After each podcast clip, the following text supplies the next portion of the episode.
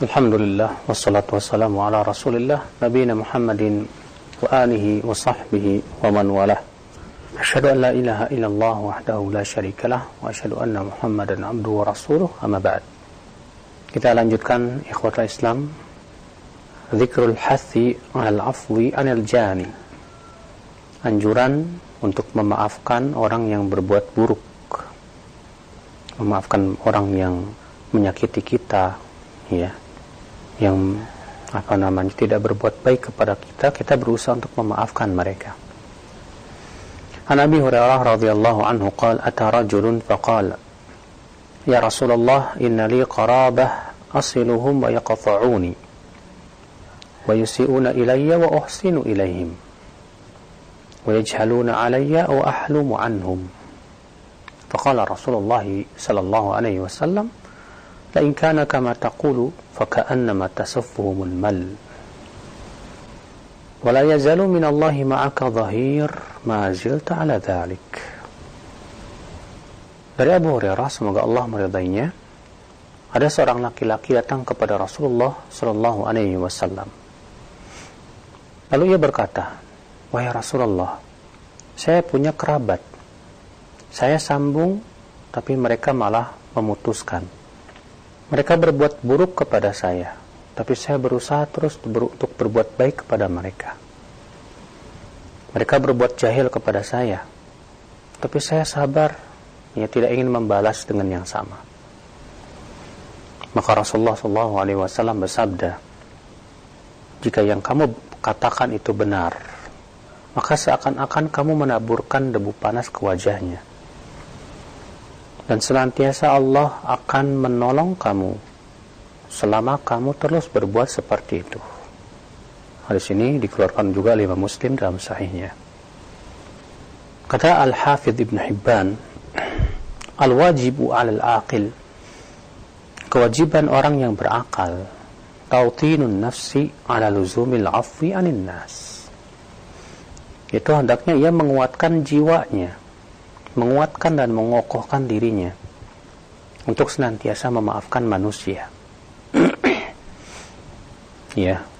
Watarku watarkil khuruj isaah dan tidak membalas keburukan dengan keburukan lagi. Nah, ini adalah merupakan sifat orang-orang yang berjiwa besar dan memang sangat sulit sekali, tidak mudah. Karena ketika hati kita sakit, untuk memaafkan itu butuh waktu. Iya. Namun orang-orang yang berjiwa besar dan mengharapkan keridhaan Allah semata, dia melihat bahwa kalau dia maafkan, Allah maafkan dia. Dan maaf Allah itu lebih baik daripada ya kekecewaan hati. Lebih baik daripada ingin memuaskan hati ketika hati kita kesal kepada dia. Ini adalah orang-orang yang jauh ya berpikir ke depan dan betul-betul berharap keridhaan Allah dan ampunannya. Maka orang seperti ini menunjukkan akan kebesaran jiwa dan kekuatan iman. Idlah sababa taskinil isa'ah ahsan minal ihsan. Karena tidak ada cara untuk memadamkan perbuatan buruk orang lain kepada kita kecuali dengan cara kita berbuat ihsan kepadanya. Sebab kalau kita nah, kalau ada orang misalnya berbuat buruk kepada kita, kemudian kita membalas keburukan, barangkali orang tersebut akan kembali membalasnya. Ya, makanya kita sibuk untuk terus membalas keburukan dengan keburukan. Tapi ketika orang itu berbuat buruk kepada kita, lalu kita malah membalas dengan berbuat baik kepada dia, maka selesai semuanya. Iya, ketika ada orang misalnya mengejek kita dengan kata-kata yang tidak baik, lalu kemudian kita berbuat baik kepada dia dengan mendoakan dia, ya dengan kebaikan. Iya. Maka itu subhanallah menunjukkan akan kebesaran jiwa, kekuatan hati wala sababa wa minal istimali bimithliha. Dan tidak ada sebab ya bertumbuhnya perbuatan buruk. Bahkan ya tidak ada sesuatu yang bisa semakin membesarkan perbuatan buruk dari kita membalas dengan yang sama. Ini kalau ada orang mencaci kita kemudian kita caci dia lagi sama-sama tersinggung apa yang terjadi berantem bertengkar. Ya, walaupun memang dalam Islam mencaci seseorang dengan cacian yang sama dengan dia boleh-boleh saja. Allah mengatakan wa jazaa'u sayyi'atin sayyi'atun mithluha. Balasan keburukan adalah keburukan yang sama. Cuma masalahnya untuk sama ini sulit sekali. Karena ketika kita menjawab dengan emosi dan kemarahan, seringnya kita lebih. Sehingga akhirnya kita yang zalim. Kalau ada orang berkata kepada kita, bodoh kamu. Lalu kemudian kita jawab, kamu juga.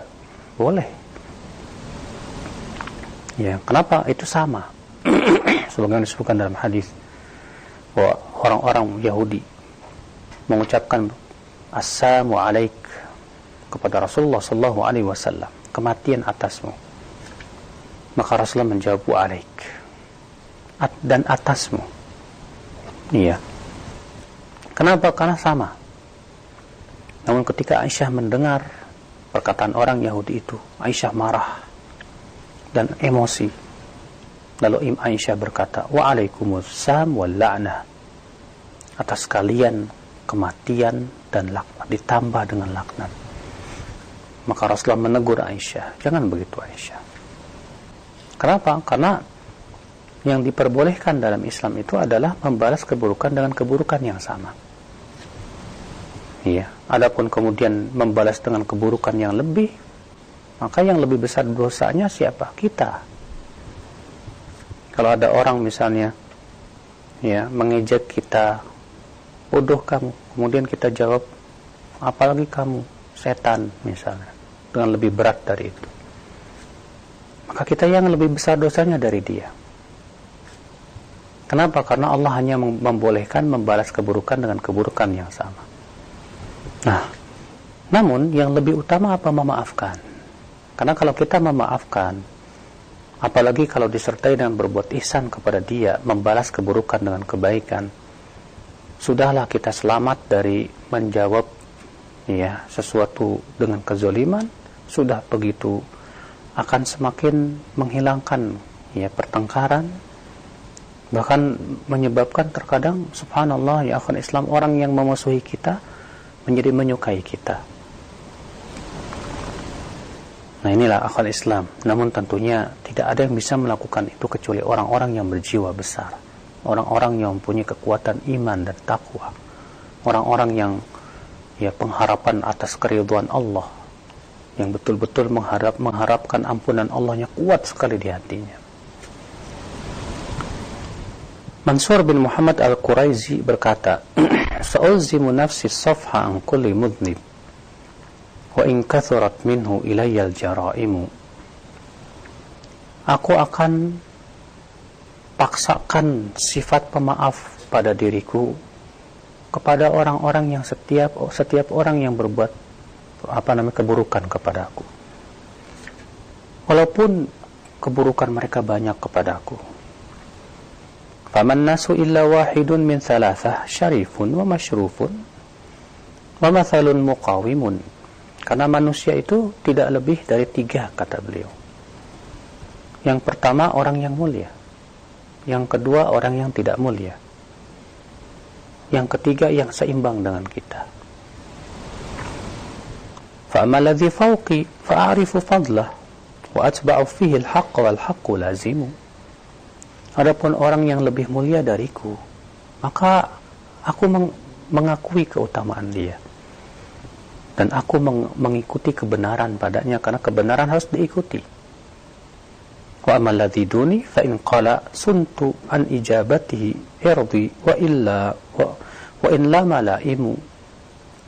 Kalau ternyata orang itu lebih rendah kemuliaannya dariku, dan ternyata ia berbuat buruk kepadaku maka aku sudah melindungi diriku ya dengan cara aku tidak menjawab dia maka aku telah melindungi kehormatanku walaupun orang-orang mencela diriku. Wa amal ladzi mithli fa in zalla aw hafa tafaddaltu innal innal hulma lil fadli hakimu.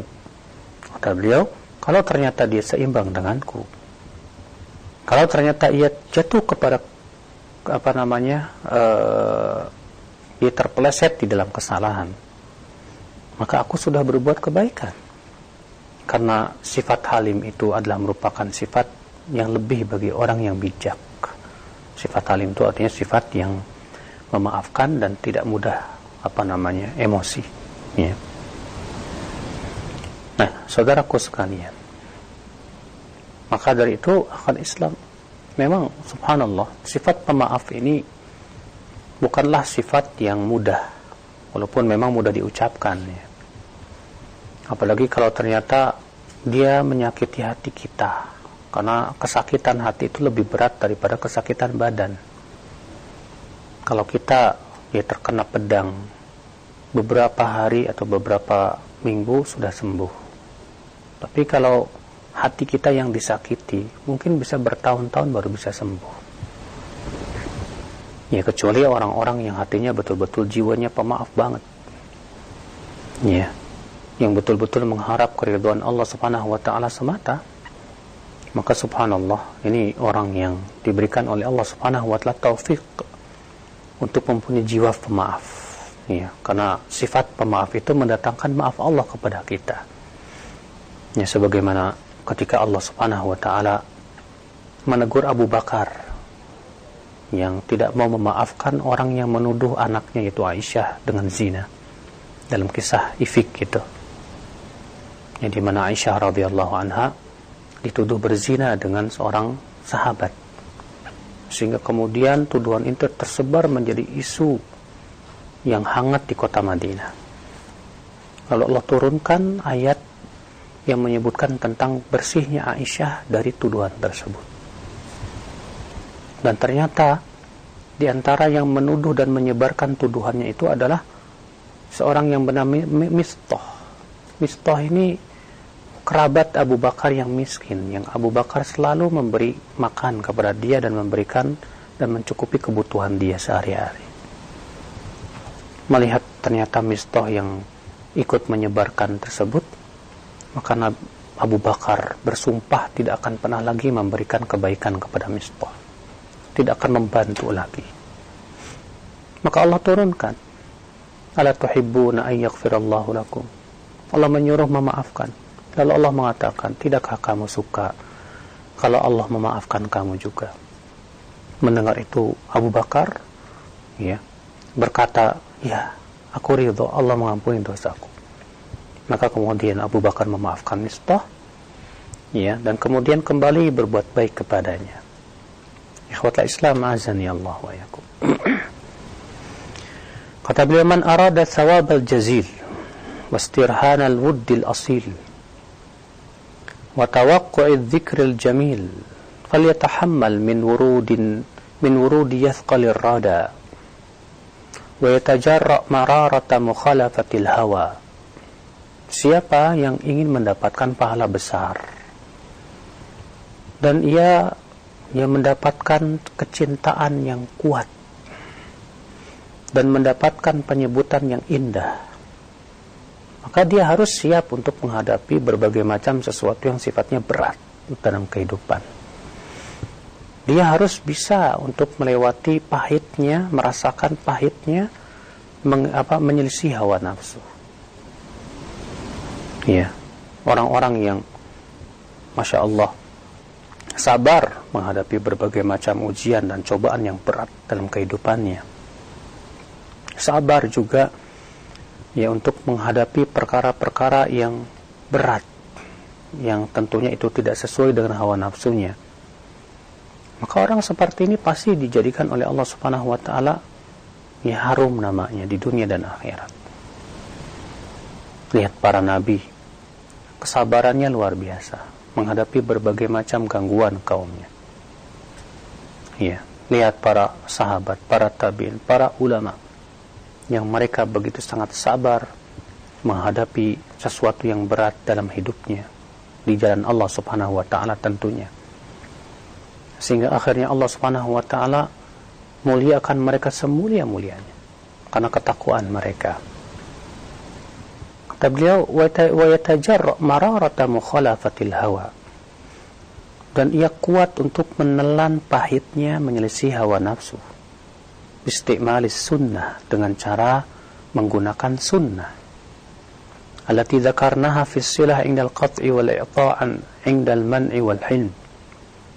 Yang telah kita sebutkan tadi, ya di saat misalnya kita diputuskan hubungan kita oleh saudara kita di saat ya kita tidak lagi diberi pemberian oleh saudara kita. Dan kemudian demikian pula kita menggunakan al-hilm. Apa itu al-hilm? Yaitu uh, menahan emosi. Indal jahil ketika ada orang berbuat jahil kepada kita dan kita maafkan dia.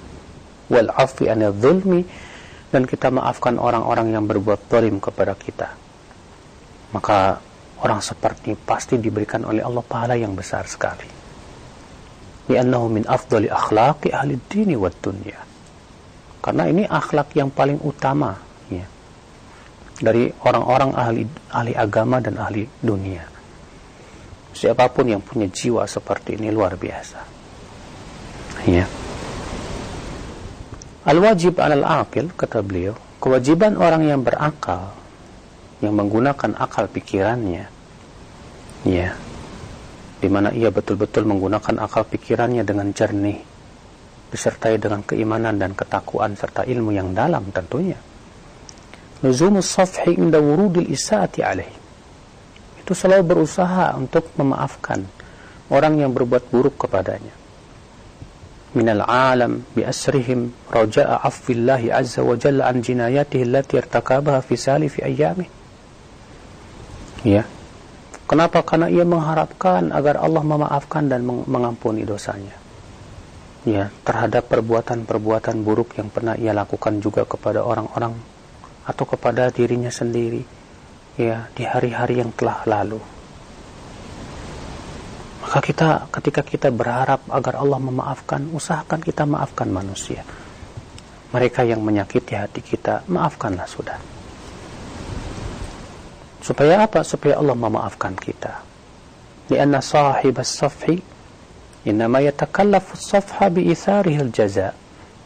Karena orang yang memaafkan itu, kenapa sih kok dia dia mau memaafkan padahal itu berat loh.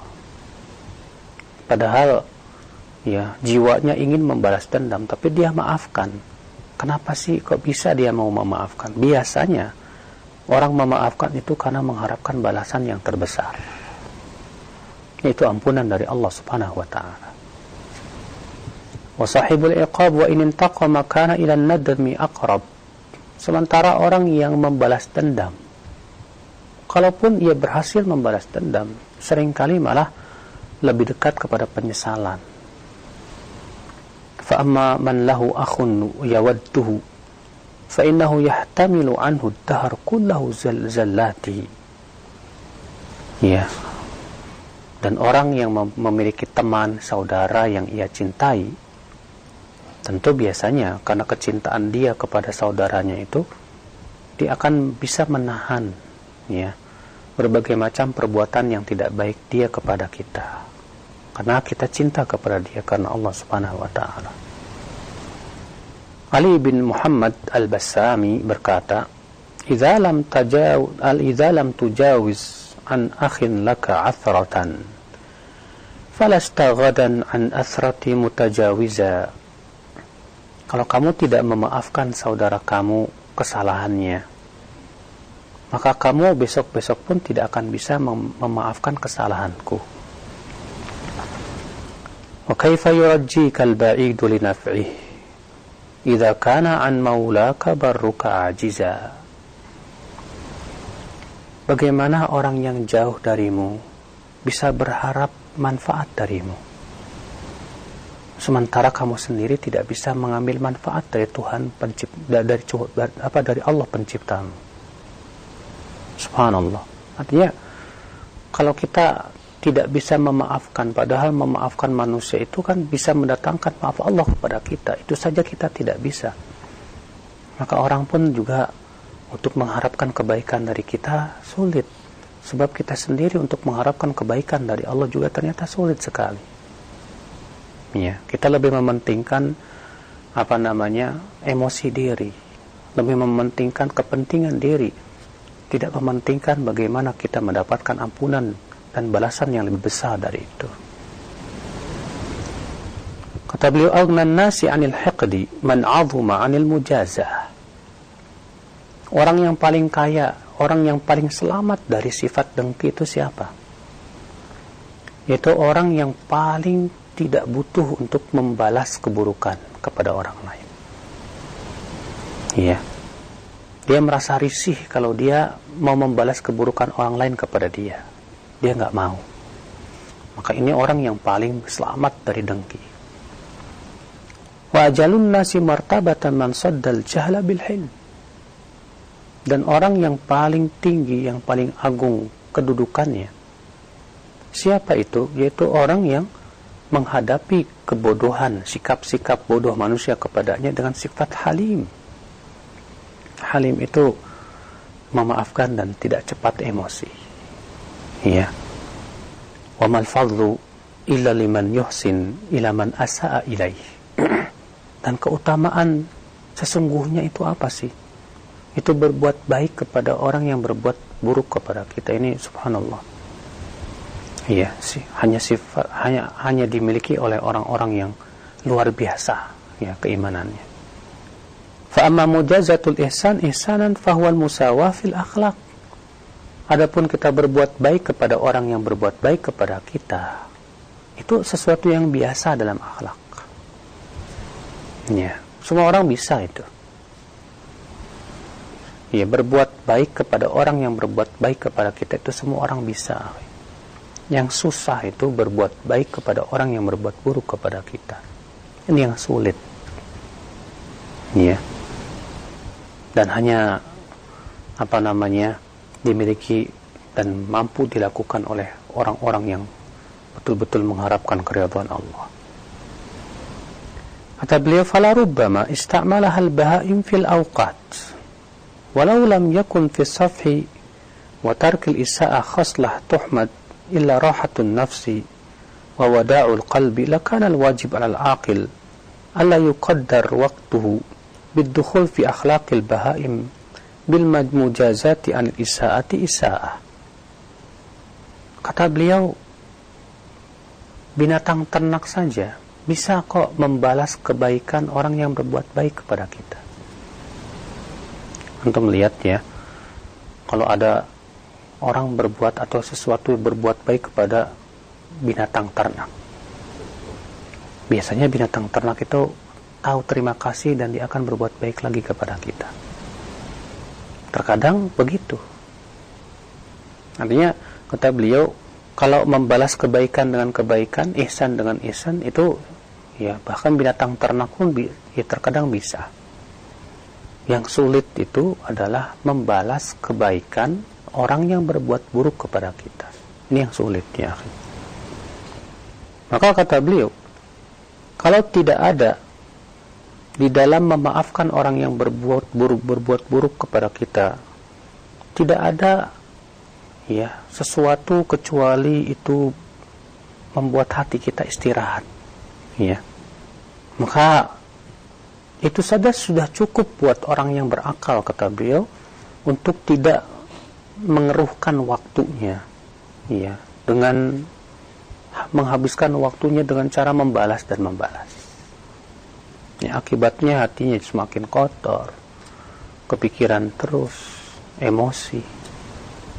Dalam keadaan kita emosi seperti itu, gak ada orang yang sedang ya bantah-bantahan di HP dengan kata-kata yang tidak baik, emosi dia. Ketika, ketika istrinya berkata sesuatu, malah emosi sama istrinya, malah emosi kepada orang lain. Kenapa? Karena hatinya lagi emosi sehingga akhirnya ucapannya dan kata-katanya tidak bisa di apa namanya ditahan lagi Ya. Tapi kalau kita maafkan saudara, cacian dia tidak usah kita pedulikan lagi, tidak usah kita apa namanya pikirkan lagi. Udah cuekin aja lah. Iya. Kita sibuk dengan yang lebih bermanfaat. Kita sibuk dengan zikir kepada Allah. Kita sibuk berbuat baik kepada manusia. Sibuk kita dengan ilmu-ilmu yang bermanfaat. Maka Masya Allah hati kita juga tenang. Ya.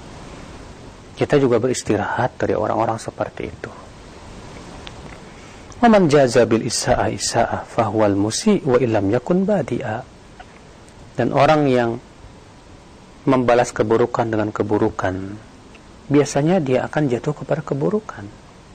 Walaupun dia bukan bukan dia yang memulainya. Subhanallah, saudaraku sekalian, ikhwata Islam, azani Allah.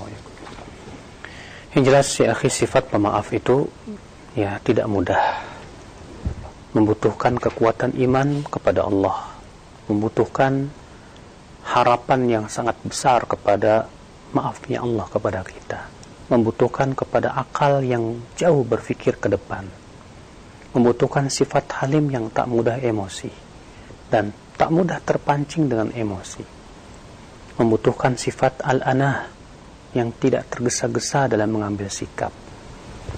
Ya. Yang jelas memaafkan itu adalah sifat para nabi. Kata Rasulullah dahulu ada seorang nabi yang dipukuli oleh kaumnya sampai berdarah-darah. Lalu ia sambil mengusap darah dari wajahnya, ia berkata, Allah maghfir li qaumi fa innahum la ya'lamun. Ya Allah, maafkanlah kaumku itu karena mereka tidak tahu subhanallah. Bayangkan ya. Ini sifat para nabi sifat orang-orang yang luar biasa ya besar jiwanya itu mengharapkan keridhaannya Allahu a'lam nah Ya, syukran jazal khair. Uh, Barakallahu demikian kepada para pemirsa dan pendengar di mana pun Anda berada. Ya, materi yang telah disampaikan uh, bisa kesempatan uh, pagi hari ini dari bab yang ke-29 keutamaan memaafkan orang yang berbuat zalim kepada kita. Mudah-mudahan apa yang beliau sampaikan bermanfaat bagi kita semua. Baik untuk selanjutnya kita buka sesi interaktif, sesi soal jawab bagi anda para pemirsa atau mendengar di mana pun anda berada yang ingin bertanya.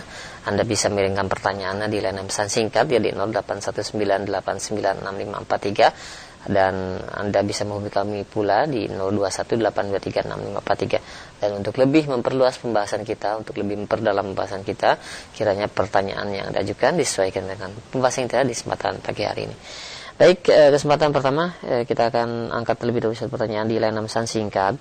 Ada pertanyaan dari hamba Allah tidak sebutkan tempatnya. Barakallahu fikum. Uh, ya Ustaz, apakah memaafkan itu artinya kita tidak mengingatkan akan kesalahannya? Nah, bagaimana ketika pasangan hidup kita lisannya itu selalu berkata yang tidak baik Ustaz? Mohon nasihatnya.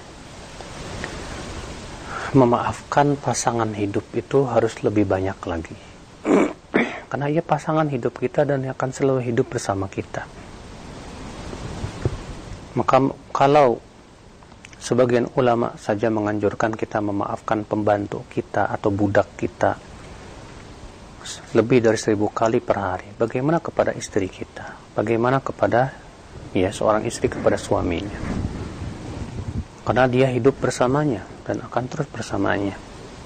Kecuali kalau memang sudah berlebihan ya di dalam perbuatan buruknya sampai mendoliminya ya itu ya kalau istrinya ternyata sudah tidak sabar dan minta cerai silahkan saja. Namun tentunya ketika pasangan kita berbuat salah lalu kemudian kita ingatkan kesalahannya di hari-hari yang kemudian yang menyebabkan kalau kita ingatkan kesalahannya dia jadi naik pitam. Ini tidak bagus sebagian istri terkadang suka sekali ya apa namanya mengingatkan kesalahan-kesalahan suaminya di masa lalu. Dan ini sifat yang buruk. Ya bahkan suami pun pasti tidak suka itu. Diingatkan dulu kamu pernah begini kamu dulu pernah begini. Ya maka ini jelas perbuatan yang tercela. Kalau misalnya seorang suami berbuat buruk kepada seorang istri lalu si istri memaafkan Apakah perlu saya sebutkan perbuatan buruk dia kepada dia? Iya, dilihat kalau menyebutkan keburukannya itu malah membuat dia naik pitam dan semakin dia marah ya sudahlah nggak usah. Iya. Tapi cari cari cara lain dengan cara memberikan contoh yang baik kepada dia. Maka kalau diberikan contoh yang baik, barangkali si suaminya sadar ya bahwa perbuatannya tersebut ya salah. Dan dia ingat bahwa itu adalah salah. Nah, itu tentunya seorang istri harus paham juga bagaimana sifat seorang suaminya. Apakah suami ini suka apa marah bagaimana orangnya? Itu dia harus paham. Iya makanya terkadang seorang suami atau seorang istri itu orangnya subjektif tidak objektif. Artinya hanya sebatas memikirkan dirinya saja. Tidak pernah mau mengerti bagaimana sifat pasangannya. Dia ingin agar hanya sebatas pasangannya lah yang mengerti dia. Dan dia tidak mau peduli ya dan tidak pernah mau mengerti tentang keadaan pasangannya. Ini ya menunjukkan kekerdilan jiwa. Menunjukkan kurangnya akal ya di dalam berpikir. Maka tentu ya seorang suami bukan hanya sebatas ingin dimengerti oleh istrinya Demikian pula seorang istri bukan hanya sebatas ingin dimengerti oleh suaminya, tapi juga berusaha untuk mengerti keadaan ya pasangannya tersebut. Harus mengerti bagaimana sikap yang dia sukai ketika misalnya suaminya sedang marah atau berbuat salah dan yang lainnya. Allah a'lam. Nah. Nah, baik. Ya, sekarang atas jawaban nasihat, uh, Ustaz demikian untuk uh, penanya di dalam singkat dan selanjutnya masih kami angkat yang kedua e, dari penanya kembali tidak sebutkan nama tempatnya Assalamualaikum warahmatullahi wabarakatuh ya Ustadz tentang kezoliman dibalas dengan kezoliman bagaimana apabila e, tertangkap seorang penjahat atau begal motor kemudian dikeroyok oleh banyak orang hingga mati Ustadz karena kerap kali jika tidak tertangkap mereka e, sebaliknya membunuh orang-orang yang memergokinya Ustadz jadi alasan warga lebih baik pelakunya yang mati daripada orang lain yang menjadi korban. Nah, bolehkah tindakan seperti ini? Uh, tentunya negeri kita ini sudah ada hukumnya. Iya. Memang di dalam Islam perampok itu hukumnya adalah dengan cara apa? Sebagaimana disebutkan dalam ayat. Ya. Di, disalib, dipotong tangan dan kakinya secara bersilang itu hukuman buat perampok ya orang yang membegal bahkan tak ya tidak tidak peduli akan membunuh atau apa yang merusak keamanan.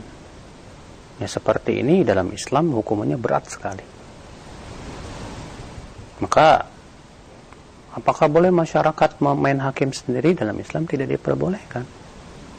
Cukup dia tangkap serahkan kepada yang berwajib selesai. Ya. Ya sambil tentunya apa namanya masyarakat juga diberikan kesadaran tentang masalah ini supaya tidak main hakim sendiri ya Allah a'lam nah Baik, sekarang ke atas jawaban Ustaz demikian. Ya, satu lagi kami akan angkat pertanyaan di dalam singkat. Ada pertanyaan mengenai perbuatan tercela Ustaz perbuatan kezaliman dengan membuang sampah sembarangan di pinggir-pinggir jalan yang sekarang banyak sekali dilakukan oleh eh, orang-orang. Uh, nah, kemudian di tempat tersebut ditulisi dengan doa-doa yang keburukan yang sangat Ustaz bagi yang membuang sampah sembarangan di tempat tersebut. Bolehkah kita lakukan seperti itu? Dan sebenarnya di dalam Islam hukuman bagi pelakunya itu seperti apa? Pembuang sampah. Ya, berarti dia sudah uh, membuang sampah sembarangan itu dia sudah uh, menyakiti hati orang lain. Bolehkah dia mendapatkan dan berhaktah dia mendapatkan laknat manusia? Sebutkan dalam hadis Nabi Shallallahu Alaihi Wasallam bersabda, "Ittaqul la la'a ya uh, la'anain." jauhi oleh kalian dua perkara yang bisa menimbulkan laknat. Apa itu? Yang pertama kata Rasulullah al-baraz buang air di jalan orang berlalu lalang. Ya buang air besar maksudnya. Dan buang air besar tempat orang-orang berteduh di situ. Kenapa buang air besar di situ? Dia menyebabkan laknat. Artinya orang akan mendoakan keburukan kepadanya. Karena itu kan jalan orang. Nah, kalau kita buang sampah dan tentunya sampah akan menimbulkan ya bau busuk yang tidak baik. Ini halnya sama. Maka kalau jangan salahkan kalau orang mendoakan kecelakaan pada dia. Mendoakan laknat kepada dia. Ya kenapa? Karena dia sudah sudah apa namanya mengganggu kepentingan orang banyak. Ini jalan umum. Gara-gara dia buang sampah di situ jadi kotor, bau dan yang lainnya. Ya jangan salahkan kalau orang ternyata mendoakan keburukan. Ya, Allah hmm, Ya, baik. Ya, sekarang jazakallahu atas sobat dan al demikian ya dan selanjutnya kami berikan kesempatan untuk Anda yang ingin bertanya langsung di layanan telepon. Silakan kami tunggu di 0218236543. Ya, halo. Assalamualaikum. Waalaikumsalam warahmatullahi wabarakatuh. Dengan siapa di mana Ibu? Abdillah di Hutan Kayu. Abdillah di Hutan Kayu. Silakan. Nah, Anda mau bertanya Pak Ustadz. Barakallahu Fik. Fik, uh, saya mau tanya, uh, bagaimana cara menyatukan uh, suami istri yang berbeda genre, yang istrinya biasa hidup uh, ber, uh, uh, apa uh, serba ada, dan suami biasa hidup berhemat, dan istri biasa hidup uh, selalu agresif, dan suami biasa lembut dan uh, melankolis gitu Pak Ustadz.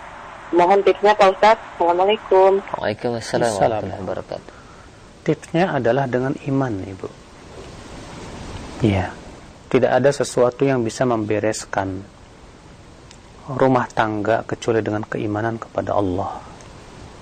Disertai dengan ilmu dan ketakwaan. Sebab ketika suami dan istri jauh dari iman, dari ilmu, dan tidak mau menuntut ilmu Allah, dan tidak berusaha untuk mengaplikasikan dalam kehidupannya.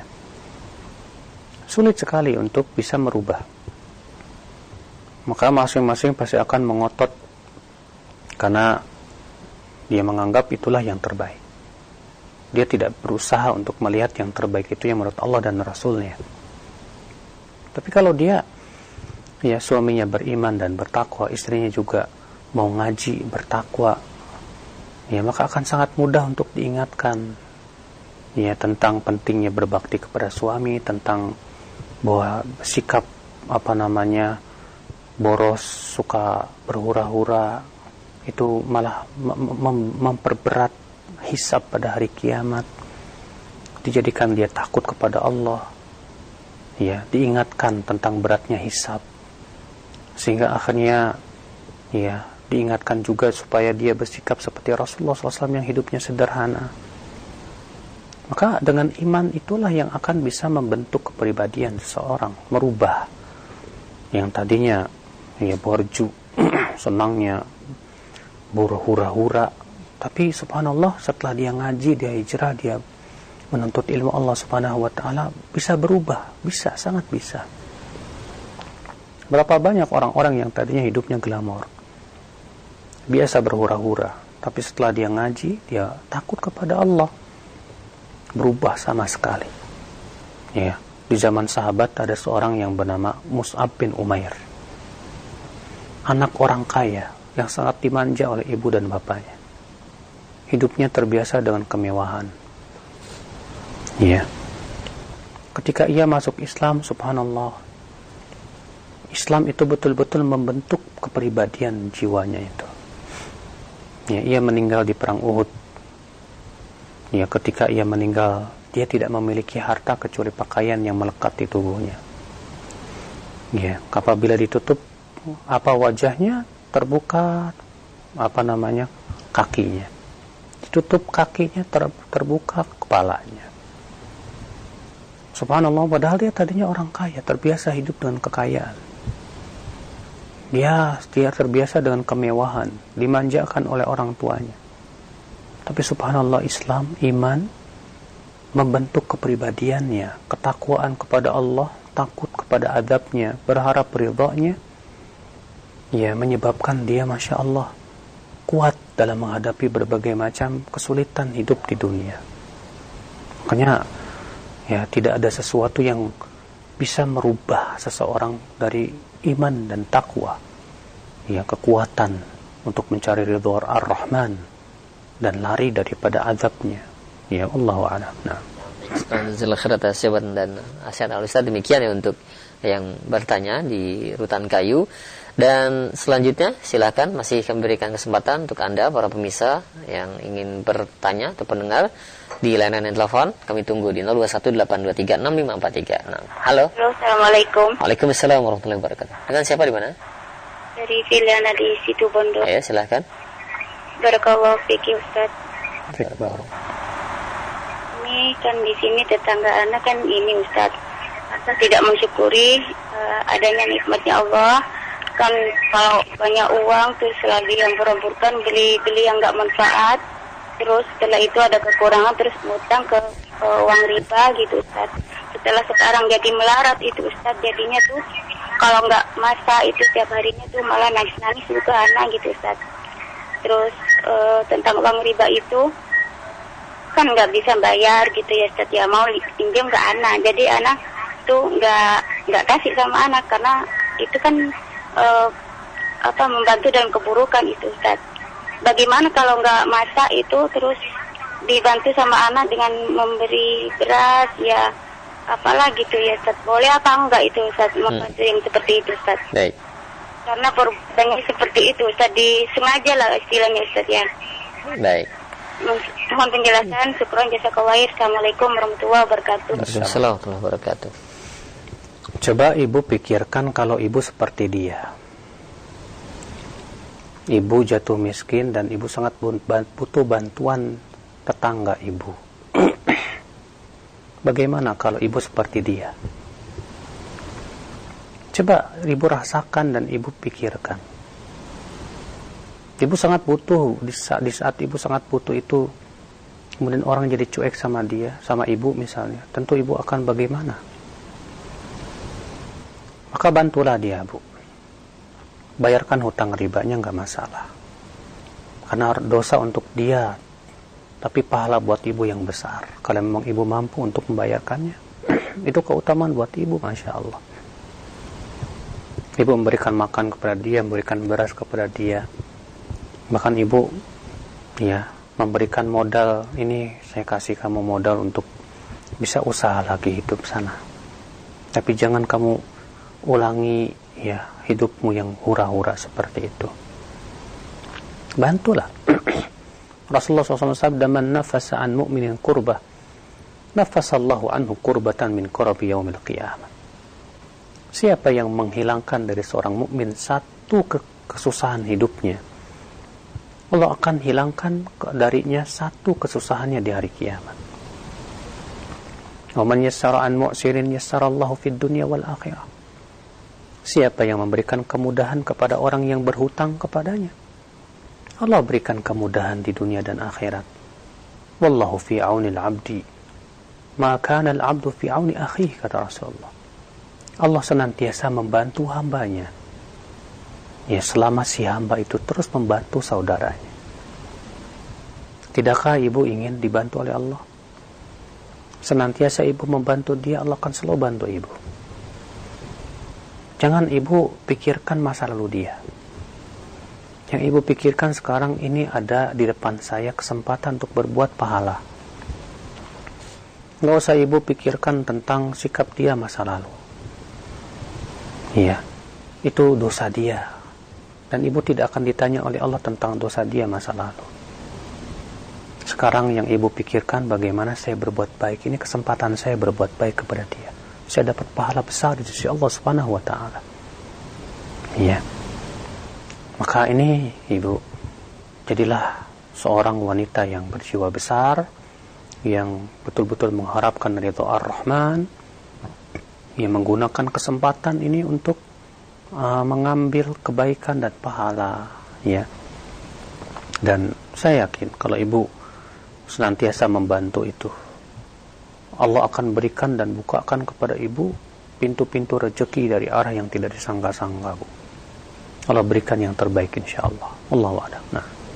Baik, sekarang jazal dan saya tahu Ustaz demikian ya untuk Ibu Sirliana yang berada di situ Bondo. Dan selanjutnya masih yang ketiga kami terima di layanan telepon kembali di 021 823 6543. Silakan. Assalamualaikum Ustaz. Waalaikumsalam warahmatullahi wabarakatuh. Dengan siapa di mana Pak? Dari Mayoya Pemekasan Ustaz. Siapa? Mayoya Pemekasan. Ya, silakan begini Ustaz masalah main hakim sendiri tapi memang memang salah. Karena di, di negara ini ada hukum kemudian kalau ada istilah istilah orang istilah orang Madura di kampung kalau kehilangan ayam kemudian dilaporkan ke penegak hukum maka yang hilang itu tambah-tambahnya kambing yang hilang. Jadi menurut saya memang repot memang itu ya. Karena kalau dilaporkan biayanya tambah banyak. Biaya yang dikeluarkan untuk melaporkan tersebut ya? Ya. Baik. Ya itu terima kasih Mas baik. Assalamualaikum. Waalaikumsalam wabarakatuh. Kalau kehilangan ayam sesuatu yang kecil lalu dilaporkan malah menimbulkan akan kehilangan yang lebih besar dari itu. Berarti lebih banyak mudaratnya. Apakah berarti itu membolehkan kita membunuh pelakunya?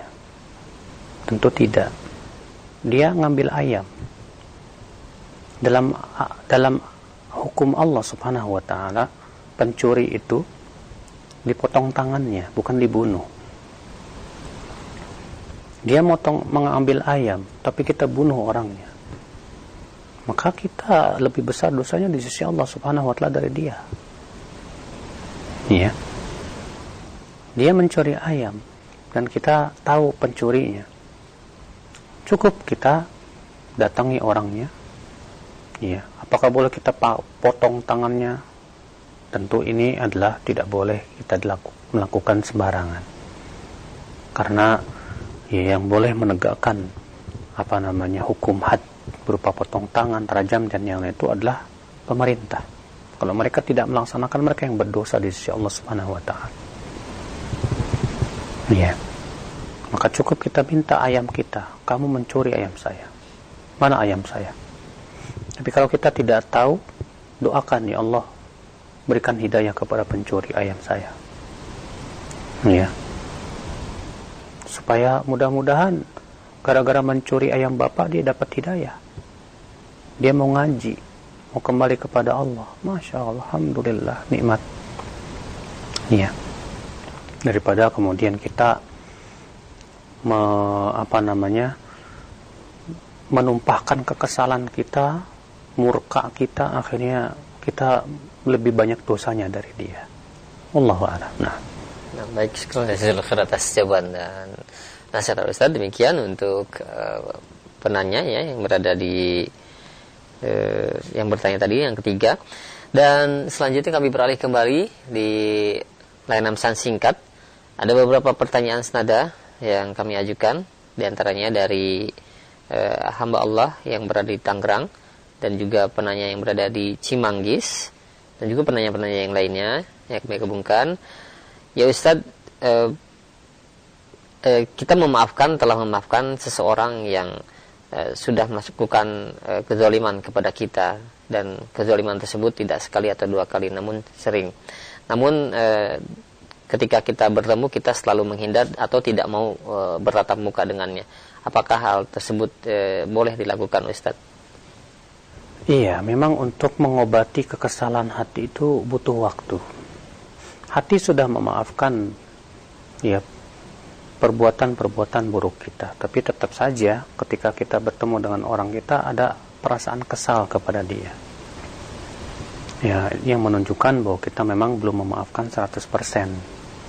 Masih ada rasa dendam dan kesal. Iya, akhirnya menyebabkan kalau ketemu sama orang tersebut, adalah saya nggak mau ketemu sama dia. Yang jelas, yang seperti ini boleh atau tidak. Ya tentunya hendaklah merenung.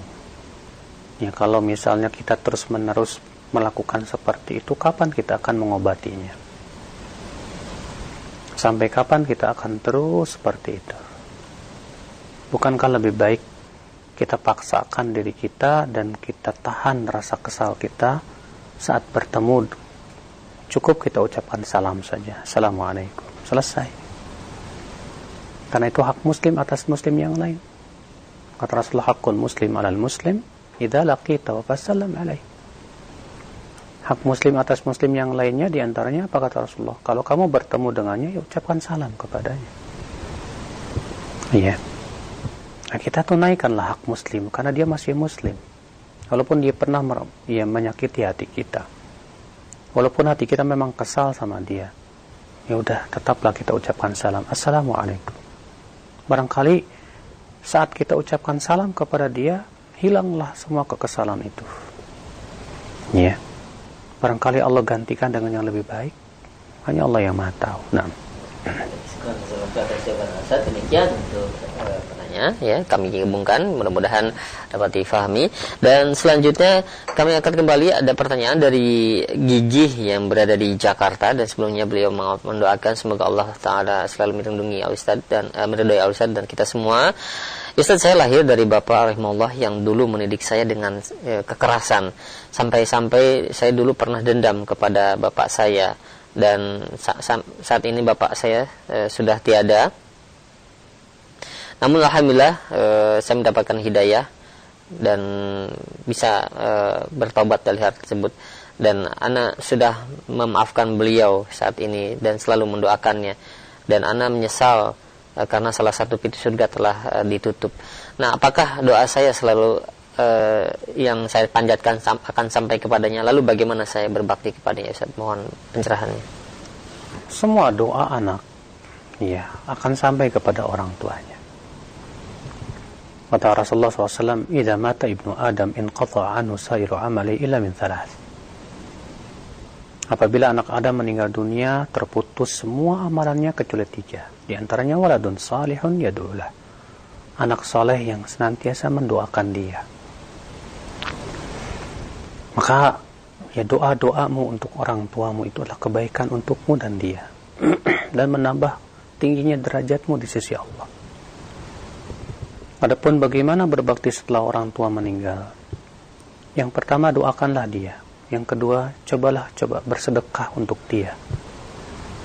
Biasa, lakukan sesuatu yang bermanfaat buat dia.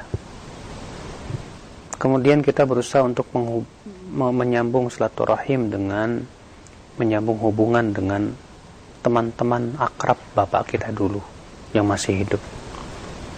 Ya, karena itu termasuk juga salah satu bentuk bakti kita kepada orang tua. Ya Allah a'lam. Nah. Ya syukur. Atas jawaban Ustaz demikian.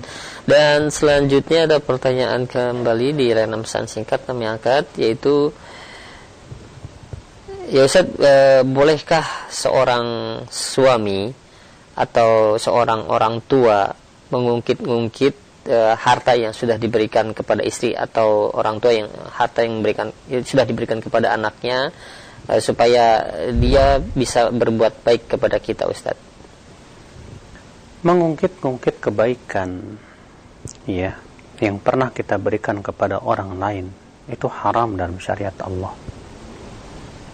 Karena ayat dan hadisnya mutlak berlaku untuk seluruhnya